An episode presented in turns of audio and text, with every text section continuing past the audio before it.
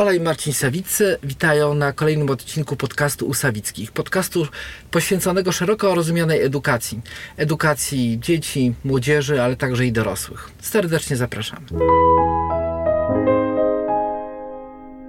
Tematem dzisiejszego odcinku, dzisiejszej rozmowy będzie edukacja domowa, a szczególnie y, jeden jej aspekt dotyczący podejmowania decyzji, dotyczący tego, dlaczego na nią się decydujemy lub dlaczego na nią się nie decydujemy.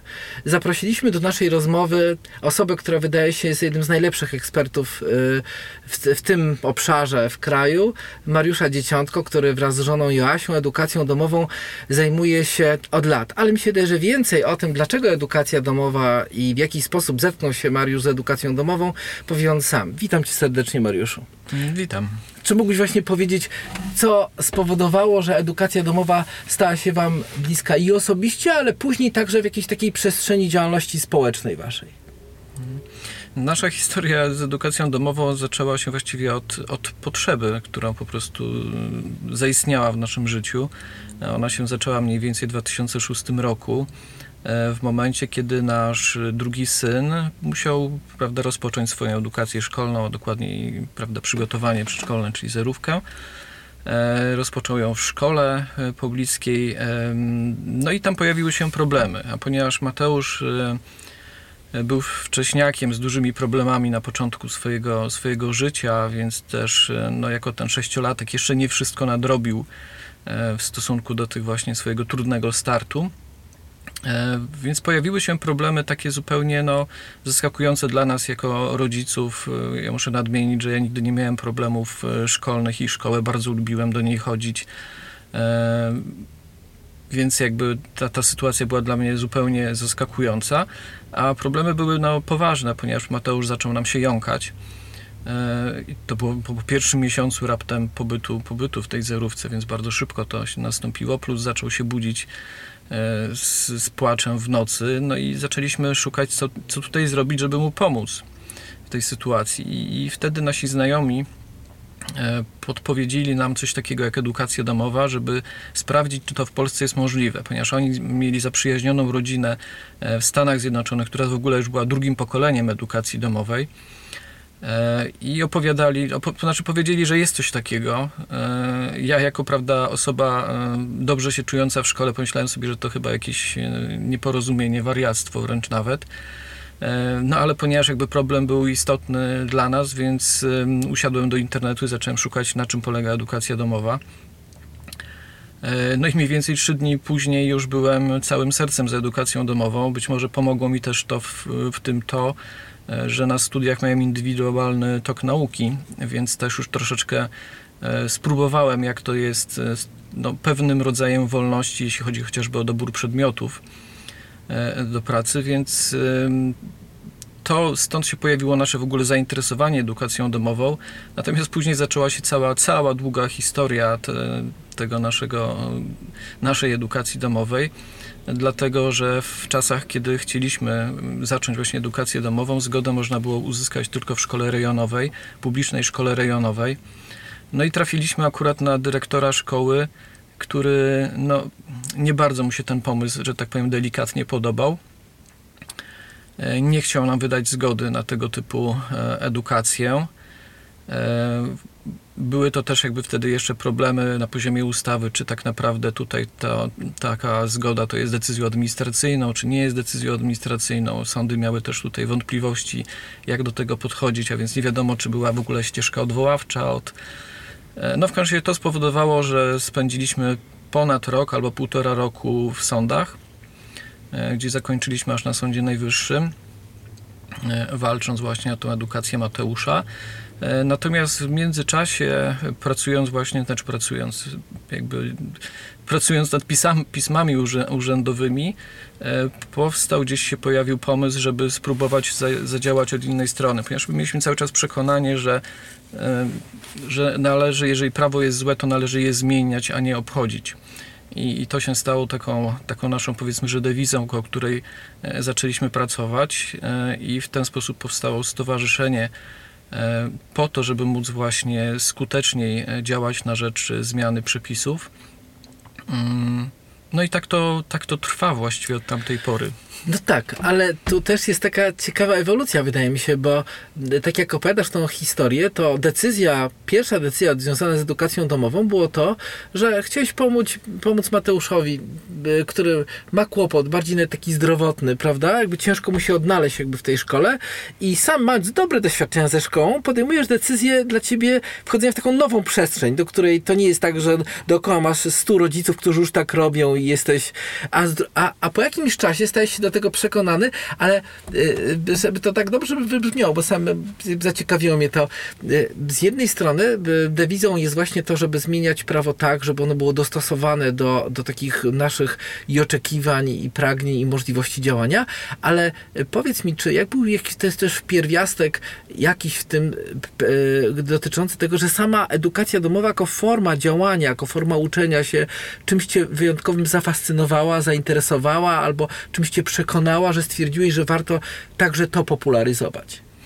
Mm, Tak, właśnie ja miałem, miałem swoje drobne jakby doświadczenia, jeśli chodzi o czymś, z czymś podobnym powiedzmy, że do edukacji domowej, dlatego że e, część mojej ścieżki studenckiej zrobiłem jako indywidualny tok, e, tok nauki. E, zresztą później też studia doktoranckie moje były akurat takie, że wtedy nie były one tak sformalizowane jak w tej chwili, e, więc była bardzo właśnie duża swoboda, jeśli chodzi o dobór też przedmiotów, które realizowałem w trakcie, w trakcie doktoratu. E, Także ja y, czułem już pod skórą, co jest, co jest dobrego, więc bardzo łatwo było mi wyłapać, czytając wypowiedzi.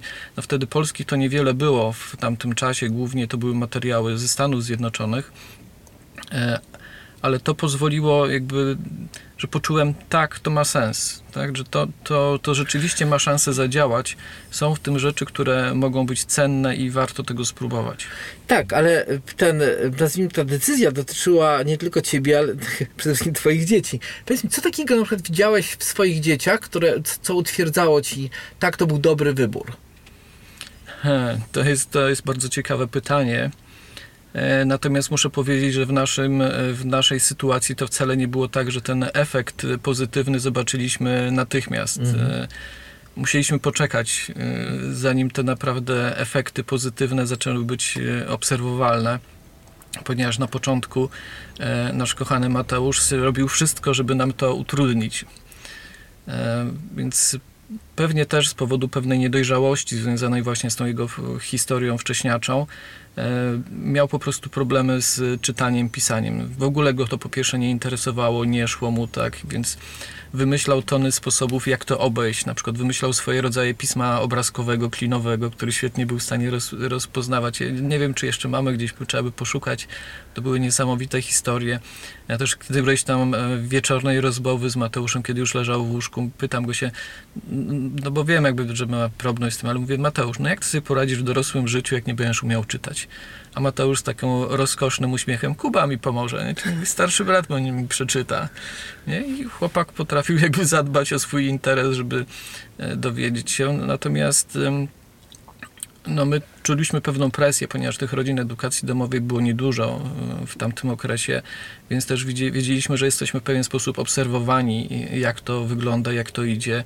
E, Egzaminy też wówczas nie wyglądały tak, jak, jak to było, jak to wygląda w tej chwili. My pierwsze egzaminy zdawaliśmy właśnie tej naszej rejonowej szkole publicznej jako egzaminy po prostu klasyfikacyjne, żeby zaliczyć rok, no bo w związku z tymi, prawda, sprawami w sądach, e, no, poprosiliśmy, jakby składaliśmy podanie po prostu do szkoły o to, żeby umożliwiono Mateuszowi przystąpienie do takich egzaminów, więc to też zupełnie inaczej wyglądało. E, No i czuliśmy tą presję po prostu e, na nas jako rodzicach, a z drugiej strony staraliśmy się, żeby tej presji nie przerzucać właśnie na Mateusza w tym okresie, no bo wiedzieliśmy, że to jakby jest ślepa uliczka, że to nic nie da. E, Zresztą najgorszą rzeczą w edukacji domowej to są właśnie zestresowani rodzice. Więc to, to, to warto o tym pamiętać, że, że to, to się po prostu przenosi, to się czuje wręcz w powietrzu. No i, no i tak jak mówię, te efekty tak naprawdę zobaczyliśmy dopiero po kilku latach. E, Natomiast teraz już z perspektywy e, Mateusza, który jest w tej chwili na drugim roku studiów, jest na mechatronice, więc wybrał sobie dosyć ciekawy i trudny, trudny kierunek, e, no to mogę powiedzieć, że z pełną satysfakcją, że była to wspaniała przygoda, z rewelacyjnymi właśnie efektami, jeśli chodzi także o tą część zarówno edukacyjną, jak i charakteru. E, I Mateusz z osoby, która nie chciała czytać, nie chciała się uczyć, sprawiała niesamowity opór, e, jest w tej chwili po prostu osobą, która pochłania książki w tonach, jest w stanie każdy właściwie temat, który sobie wybierze do realizacji, e, zdobyć odpowiednią wiedzę, zrealizować go. Tak jak wspomniałem, zajmuje się mechatroniką, więc konstrukcją różnych e, maszyn, więc mamy prawie całe laboratorium czy warsztat w jego pokoju, czyli zarówno do druku właśnie 3D, jak i to ostatnio kupił sobie frezarkę sterowaną właśnie numerycznie. E, Plus też jakby mimo pomimo tego, że studiuje, to też dorabia sobie przy konstruowaniu dronów. E, I wiem z opinii, ponieważ to jest akurat firma, którą jedną z szefów jest osoba, którą ja znam, e, że, że, że jest po prostu w tym dobry. Nieźle. Ale to Mateusz nie jest jedynym dzieckiem waszym, które było na edukacji domowej. Czy te doświadczenia są podobne przy każdym z dzieci, czy każdy trochę inaczej ma te swoje, dlaczego edukacja domowa dla niego była dobra? Myślę, że każdy z naszych dzieci, w ogóle myślę, że każde dzieci, każdy z rodzin tak naprawdę ma swoją historię e, i pewnie na trochę inne elementy kładzie nacisk też e, i w edukacji, i w podejściu do niej. E, Natomiast my zaczęliśmy od Mateusza, no bo taka była potrzeba i, i nie mogliśmy tak naprawdę za bardzo. Mateusz to jest nasz drugi syn, czyli średnie dziecko, bo mamy troje dzieci.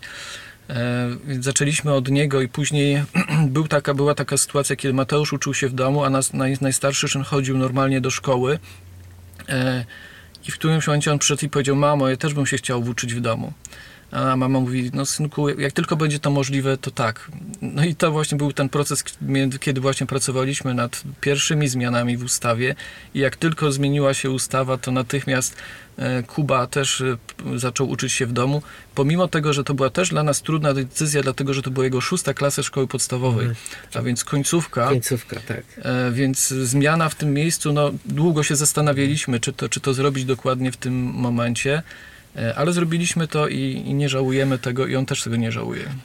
Ale powiedz, Mariuszu, to jest tak, że ty masz doświadczenia w Macie Blazasią swoich dzieci, ale także, tak jak mówiłeś, w 2006 roku zaczynaliście, to była, no można powiedzieć, bardzo małe grono rodzin w edukacji domowej, ale w jakiejś mierze towarzycie, towarzyszycie, czy przez stowarzyszenie, czy na różne inne sposoby, rozmawiacie z, z ludźmi, e, którzy podejmują takie decyzje lub mają takie dylematy i towarzyszycie im do dzisiaj.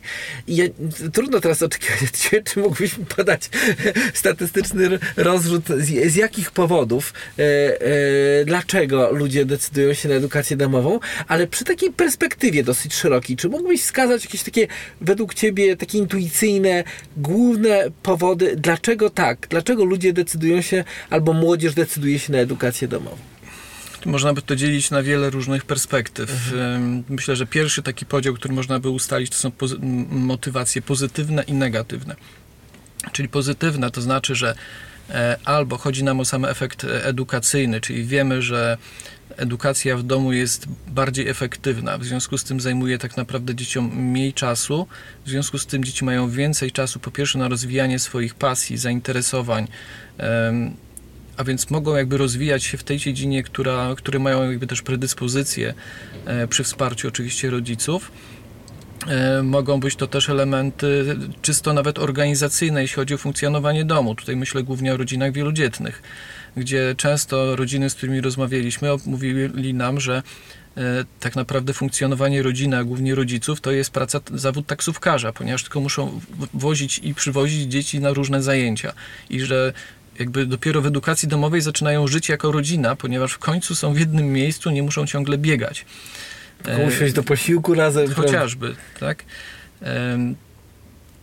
Są też kwestie, też od tej strony patrząc pozytywnej, no w ogóle kwestie jakby, nie wiem czy to określić światopoglądowymi, ale chodzi o to, że wiele rodzin zauważa konflikt między wartościami, które są w domu, a wartościami, które są w szkole.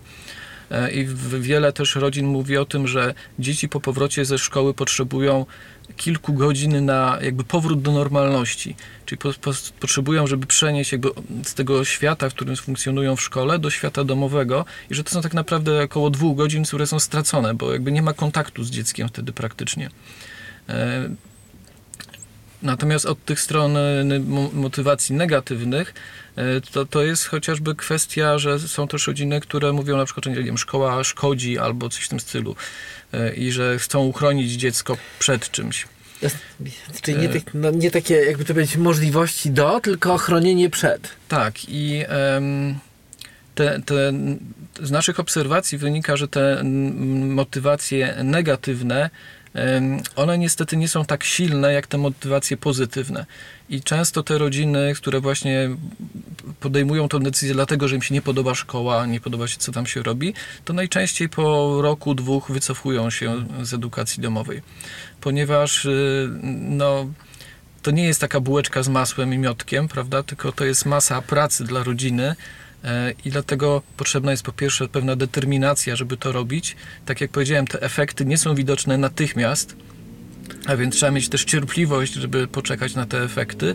E, I okazuje się, że te właśnie negatywne pobudki, one niestety nie są aż tak silnym motywatorem, żeby tak długo przetrwać. Tak. No my to doświadczamy też, bo my też mamy część dzieci w edukacji domowej jakby doświadczamy tego, co powiedziałeś zdecydowanie o tym długiej perspektywie yy, yy, długiej, jakby otrzymywania takich dobrych owoców yy, z edukacji domowej, a druga to, że jeżeli, jeżeli mam, przystępuję z takiej pozycji chronię dziecko przed, to ten strach to nie jest taka konstrukcja, która starcza na długo. To tak jak mówisz, fajnie powiedziałeś, to nie jest taki wystarczający motywator do tego, żeby starczyło determinacji i wysiłku, żeby to robić, bo nie jesteś taksówkarzem, ale masz inny zestaw problemów, które do tej pory pozornie rozwiązywała szkoła, bo ja nie chcę tak wnikać w to, na ile szkoła rozwiązuje te problemy, które wydaje mi się tak fajnie, bo, bo, bo, edu, bo edukacja domowa dla mnie na przykład jest o tyle trudem, że ona jakby obdarza coś i jakby stawia cię e, tak jakby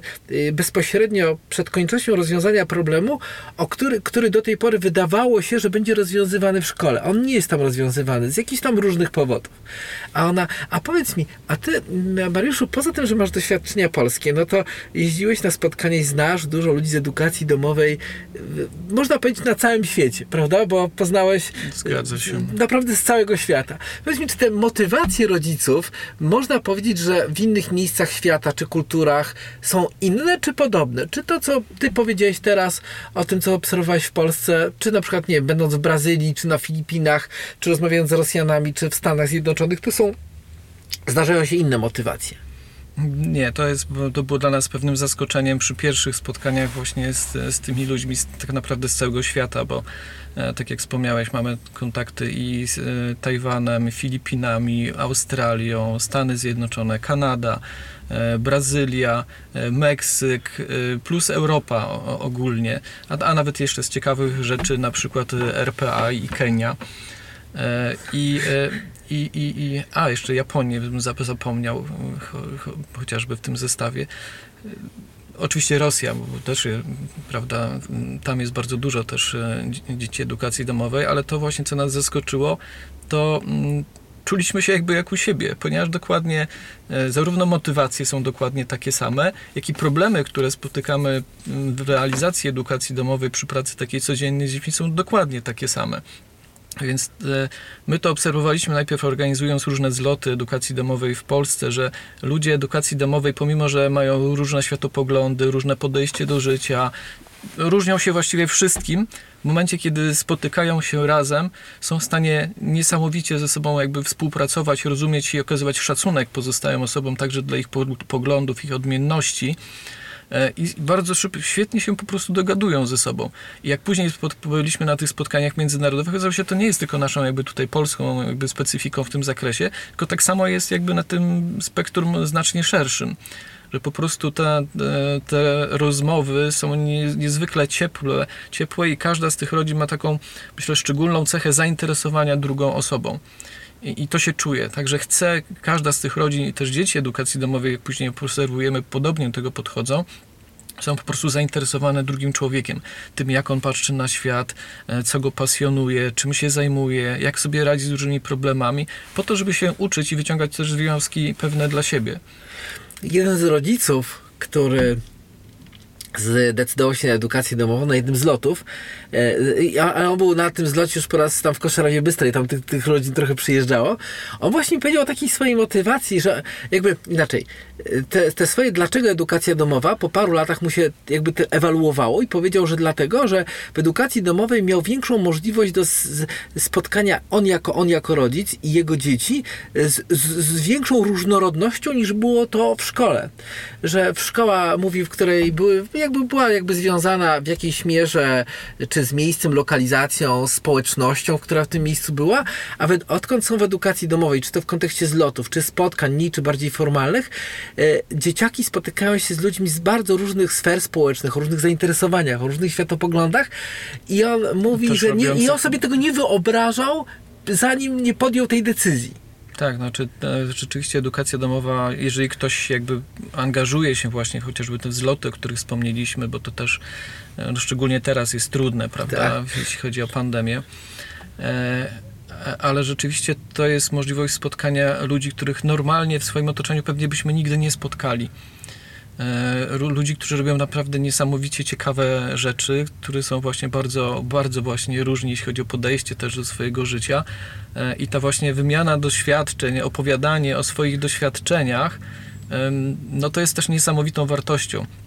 Właśnie e, wspominając, prawda, twoje, twoje szkoły i kwestie przyjeżdżania na egzaminy, kiedy były takie bardziej jeszcze sformalizowane sesje egzaminacyjne i trochę było mniej rodzin edukacji domowej, to jak to nazywamy z Łukaszem, wieczorne Polaków rozmowy, Mhm. które kończyły się wcześnie rano, Tak. e, przy okazji egzaminów, to była niesamowita, niesamowita rzecz, którą jakby pamiętamy i cenimy do tej pory. Te, te kontakty i te rozmowy, które się Pewne odbywały. jadalni w Krzyżowie, jak tak buczyliście do nocy, to było dla mnie niesamowite. Ile, ile, ile, jakby to wiecie, jakie to było zderzenie takich wymiana myśli i rodziców też. To jest, bo mam wrażenie, że, ale czy zgodziłbyś się, że decyzja na edukację domową, ja wiem, dotyczy naszych dzieci, ale w jakiejś mierze y, dotyczy w dużej mierze rodzica, to znaczy, że poza tym, że nasze dzieci się stykają różnorodnością, innością i tak dalej, to mi się wydaje, że to wy- wymaga bardzo dużo od rodzica takiej otwartości i gotowości na zderzanie się, a także czerpania z tego, jeżeli to ma być odrobinę fanów e, e, w, w, w, tej, w tym procesie edukowania się w domu. Czy zgodziłbyś się z tym? Wiesz co, bo edukacja domowa przemodelowuje całe funkcjonowanie rodziny, całe funkcjonowanie domu. Tak naprawdę wszystko się zmienia e, w domu po przejściu na edukację domową. To nie znaczy, że to jest taka drastyczna, prawda, jakaś decyzja i drastyczne zmiany, ale jak się patrzy z dłuższej perspektywy właśnie na funkcjonowanie w edukacji domowej, to właściwie całe funkcjonowanie rodziny, domu jest ustawione pod ten kontekst pewnej edukacji bo e, automatycznie też rodzice starają się wykorzystywać różne sytuacje, które normalnie, naturalnie dzieją się w domu, albo załatwianie spraw, które są e, prawda, na co dzień do, do załatwienia, do tego, żeby przy okazji nauczyć czegoś dzieci. A więc nie tak, że mamy 45 minut i od tego do tego realizujemy ten temat, to tak nie działa. Wszystkie, znaczy różne są podejścia do tego, jak realizować edukację domową, ale jedno z podejść, które się na pewno nie sprawdza, jakby ktoś chciał próbować, to przeniesienie szkoły do domu.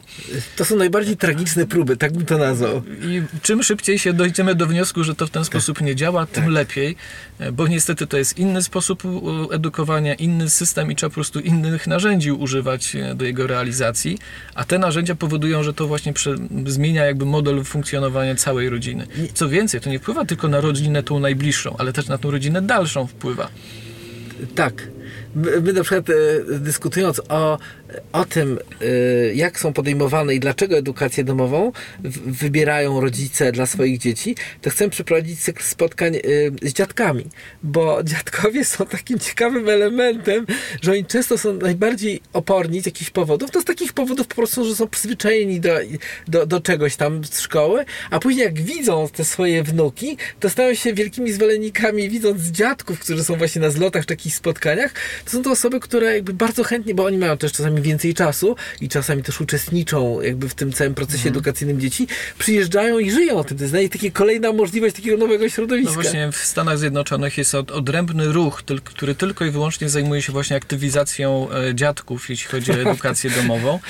E, I opowiadają też niesamowite historie, że to właśnie dziadkowie przeżywają jakby drugą młodość e, Mhm. przy edukacji domowej, że jest to dla nich właśnie niesamowitą pasją, że jest to właśnie szansą na kontakt właśnie z tym młodym pokoleniem, na przekazywanie ich właśnie swoich wartości, e, swoich pasji, swoich, swojej wiedzy i doświadczeń, prawda, życiowych.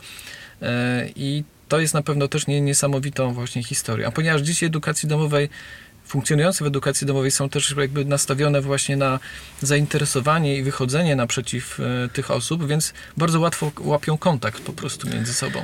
E, A co dla mnie też jest ciekawe w kontekście dziadków, rodziców, ale głównie dziadków, to e, ja wiem, że jesteśmy, żyjemy w czasach, kiedy szukamy, e, my też prowadzimy szkoły nowoczesnych, sposób uczenia, efektywnych i tak dalej, ale jedną z takich najbardziej klasycznych jest po prostu opowieść. Dzieci lubią słuchać opowieści i bardzo często jak egzaminujemy, jak egzaminowałem z historii, czy z, szczególnie z historii, to osobami, które uczyły historii, które opowiadało historii, to byli dziadkowie. Y, bo tu była kwestia nie tylko samych treści, co jest, tylko żeby znaleźć czas i żeby był ktoś, kto jej po prostu opowiada i opowiada w taki sposób, że to dziecko chce słuchać. I ci dziadkowie, nie mówię, że wszyscy i zawsze, ale bardzo często są takim powtarzającym się elementem, że to oni y, to robią. No, na, naszą osobistą córkę y, opowiada, y, opowiada jej o chemii babcia właśnie, prawda? Czy o fizyce i, i, ona to, to cudownie łyka. Wiesz Marcin, bo to tak naprawdę ma też, żeby było śmiesznie, podstawy naukowe. To nie jest tak, że edukacja domowa sobie to wymyśliła. To znaczy pewnie może wymyśliła, ale tak naprawdę to zostało przejęte przez firmy w ten sposób. Czyli jeżeli chcesz komuś coś sprzedać, to opowiedz mu historię. Tak, tak, tak, tak, tak. A powiedz mi jeszcze, wracając do tych motywacji, czy spotkałeś się, czy w Polsce, czy za granicą, z jakąś taką motywacją dla edukacji domową, która ci zaskoczyła? Że ktoś powiedział coś, co... Powiem ci taki przykład. Ja kiedyś rozmawiałem ze znajomym, który właśnie pracował w Kalifornii i jego szef e, policzył, ile wydaje na szkoły prywatne i postawili taki bilans i powiedzieli, że daje żonie połowę tej kasy, czy ona mogłaby za to zorganizować edukację swoim dzieciom, reszta dla niej i ona ochoczo to przyjęła. Bardziej zabawowo, to nie było w takim sensie kont- kontrakt menedżerski, nazwijmy to, ale to było powodem, że oni się zdecydowali, bo stwierdzili po prostu, że w kontekście jakichś tam wydatków, bo oni byli dosyć bogaci, ale w kontekście jakichś wydatków y, było, było to dla nich jakby dużo lepsze. Czy spotkałeś się z jakimiś właśnie takimi przykładami y, tego typu jakby de- decyzji? Mm. Wiesz co, chyba taką, która mnie trochę zdziwiła, to była taka rodzina, która postanowiła jakby sprzedać dom, sprzedać jakby ogólnie rzeczy, które posiadali, za to kupili kampera i po prostu wyruszyli e, w podróż, tak powiem, dookoła świata. E, Właściwie nie kupili kampera, kupili autobus, który przerobili sobie na, na, e, na dom i, i po prostu no, realizowali, że tak powiem, marzenia przy okazji. Nie, ale e, i wiem, że w Polsce pojedyncze rodziny są też takie właśnie podróżnicze, które edukacja domowa właśnie umożliwia im to, że, że mogą właśnie zwiedzać ten świat, realizować pewne, pewne marzenia. Pewne marzenie, nie? że te marzenia są, tak Że- dzieci też że- widzą, że że, jakby- że się zrealizować. No bo szkoła niestety jest pewnym takim formalnym ograniczeniem, tak? No po prostu jest pewien okres czasu, kiedy także prawo narzuca, prawda, obowiązek e, nauki szkolny, e, a edukacja jest dom- domowa jest tym, co z jednej strony pozwala realizować ten obowiązek, ale z drugiej strony możemy dobrać metody, miejsce, sposoby. Jest wiele tej- tego pola swobody, który pozwala właśnie chociażby na realizację marzeń. Fajnie, że powiedziałeś o tej swobodzie, bo jak ktoś mnie pyta, nie, czy się z tym zgodzisz, dobra, decyduję się na edukację domową i jak to mam, tak w cudzysłowie, zrealizować, to mi łatwiej jest powiedzieć, tak jak ty powiedziałeś o tej szkole, jak nie, znaczy nie rób dziecku szkoły, a jak to zrobić, to z kolei widzę przed sobą tyle pomysłów, co rodziców, mam wrażenie, których spotkałem, którzy to E, robią. Ale wiesz, bo to jest też tak, że e, jako rodzic po pierwsze znasz swoje dziecko, ale jak zaczynasz edukację domową, to zaczynasz poznawać je jeszcze lepiej. tak, e, to jest fajny aspekt, o którym mówiłeś. em, tak. I wtedy tak naprawdę często na początku jest dobrze trochę poeksperymentować, bo nie wszyscy od razu są zaznajomieni z różnymi podejściami, styl, stylami uczenia się dziecka i tak dalej. Trzeba też zobaczyć, co działa, co nie działa. Czyli na początku to często pojawia się pewien tester, który patrzymy, e, które metody są po prostu skuteczniejsze, to samo później robią też dzieci, czyli one same ucząc się jak się uczyć, to też trzeba dobrze jest im powiedzieć jakie są sposoby i spróbujcie, popatrz co najlepiej dla ciebie działa. Tak. I, I tu masz tą swobodę wyboru tego, tej metody, która w twoim wypadku, a czasem jeszcze w twoim wypadku i określonym przedmiocie najlepiej działa. Bo to też nie jest tak, że wszystkie metody są Tak. tak, samo działają, w, jeśli chodzi o różne przedmioty. To jest bardzo ważne to, co powiedziałeś. Jest, jakby jeżeli tak, tak sobie teraz tak myślę, dlaczego moja Hela czy Tosia jest, jakbym powiedział teraz, dla, dlaczego fajnie, że tak się zdecydowaliśmy, to to, o czym teraz mówisz, jest takim bardzo ważną rzeczą. Znaczy, one rozpoznają swoje sposoby działania poza swoimi zainteresowaniami. To sposoby jakby realizacji tego, jak, co one mogą zrobić, żeby osiągnąć tam dany cel.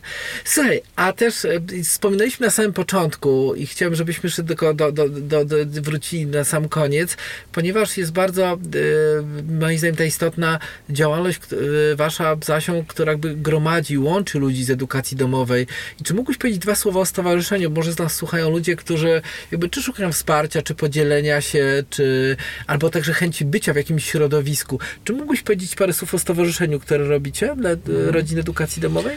Tak, więc jakby stowarzyszenie powstało, tak jak wspomniałem, głównie było to, tym takim pierwszym celem, który, był sobie, który sobie stawialiśmy, to była właśnie kwestia pracy na rzecz zmian e, ustawowych, żeby po prostu prawo było e, lepsze, jeśli chodzi o edukację domową. E, I to jest taki element, który pilnujemy przez, e, przez te wszystkie lata, starając się jakby obserwować, jak te zmiany wyglądają i, i starać się też aktywnie e, pracować na rzecz tych zmian. Z tym związana jest też cała masa tak naprawdę pracy, jeśli chodzi o współpracę z mediami. To też jest dosyć ciężki kawałek, bo często, prawda, na przykład nie wiem, w telewizji widzi się trzyminutówkę, która jest jakąś migawką, a w domu ekipa siedzi przez na przykład pół dnia, żeby te trzy minuty wypracować. E, I to była też jakby świadoma decyzja na przykład z naszej, naszej, ze strony naszej rodziny, żeby to robić, właśnie po to, żeby więcej osób mogło się dowiedzieć, żeby edukacja domowa była znana, nie była jakimś dziwnym tworem, o którym nikt nie słyszał, żeby ludzie mogli poznać, na czym to polega, e, bo to budowało jakby tą, tą bazę, na której można było później jakby stawiać kolejne kroki. Więc jeden element to jest ten e, jakby czysto formalny. Natomiast drugi element, który sobie stawialiśmy e, za cel, to była kwestia właśnie relacyjna, jeśli chodzi o środowisko edukacji domowej. Stąd pojawiały się organizacje szeregu zlotów, na których spotykały, mogły się spotykać rodziny, właśnie wymieniać doświadczeniami. E, I to jest ten drugi element. E, Później pojawiły się jeszcze trochę bardziej sformalizowane forum, czyli konferencje, debaty, które organizowaliśmy między innymi w Sejmie. E, No taka była po prostu potrzeba e, w tym okresie. Natomiast oprócz tego cały czas my jakby zapewniamy takie wsparcie po prostu dla rodzin, czyli nasz telefon jest cały czas otwarty, można do niej nas dzwonić. I na stronie stowarzyszenia macie i Jest, telefon, i tak. kontakt, i maila, także generalnie można z tego korzystać. Jak najbardziej. To w takim razie p- zachęcamy wszystkich tych, którzy jakby, czy mają dylemat, czy chcieliby dopytać, e, czy chcieliby, e, jak już podejmą tą decyzję, być blisko ludzi, którzy uczą w ten sposób dzieci, to, to mi się wydaje, że środowisko stowarzyszenia i wydarzenia, które organizujecie i zloty, szczególnie te wakacyjne, prawda, są tak dostosowane, żeby dzieci, z dzieciakami coś fajnego mogłoby się. Mam nadzieję, że to wróci, że to nie będzie tak to senewrati, że nie będzie tu działo to hasło. Mariuszu, tak przy tej okazji dziękuję Tobie, Jasi i osobom związanym ze stowarzyszeniem. Wiem, że nie tylko Wy to robicie, bo to jest jakby wysiłek iluś osób się na to składa, ale bardzo podziękować za to, co do tej pory dobrego się wydarzyło w edukacji domowej, bo rodzice jakby korzystają z tego Waszego wysiłku i, i tych prac legislacyjnych, bo to zwykle ludzie mają pewną ideę i marzenie i chcą i koncentrują się na tym swoim wysiłku, a, a, a, a ileś czasu i zabiegów trze, trzeba, tak jak Ty mówisz, żeby, to, żeby działać w takiej rzeczywistości formalnej, żeby to po prostu było wszystko legalne, bezpieczne i dawało pewien komfort działania, a nie znowu była jakąś partyzantką. Za to Ci, Mariuszu, bardzo dziękuję. Dziękuję, dziękuję bardzo też. Tak jak wspomniałeś, szereg, e, szereg osób tak naprawdę i my zresztą zachęcamy e, właśnie rodziny do tego, żeby się angażowały, żeby nie były w cieniu, nie chowały się, e, tylko żeby właśnie pokazywały to, jak żyją, w jaki sposób realizują edukację domową, co ciekawego robią, żeby właśnie kolejne osoby mogły też poznawać to i, i, i po prostu właśnie dzielić się tym, co, co mamy najlepszego. I dzięki temu przestać się bać. Dokładnie. Dziękuję Ci bardzo, Mariuszu. Portal Edukacja Można Inaczej serdecznie zaprasza. Podcast u Sawickich. Serdecznie zapraszamy do wysłuchania innych naszych odcinków. Mariuszu, bardzo dziękujemy za to, że poświęciłeś nam ten czas na rozmowę. Do zobaczenia. Do zobaczenia.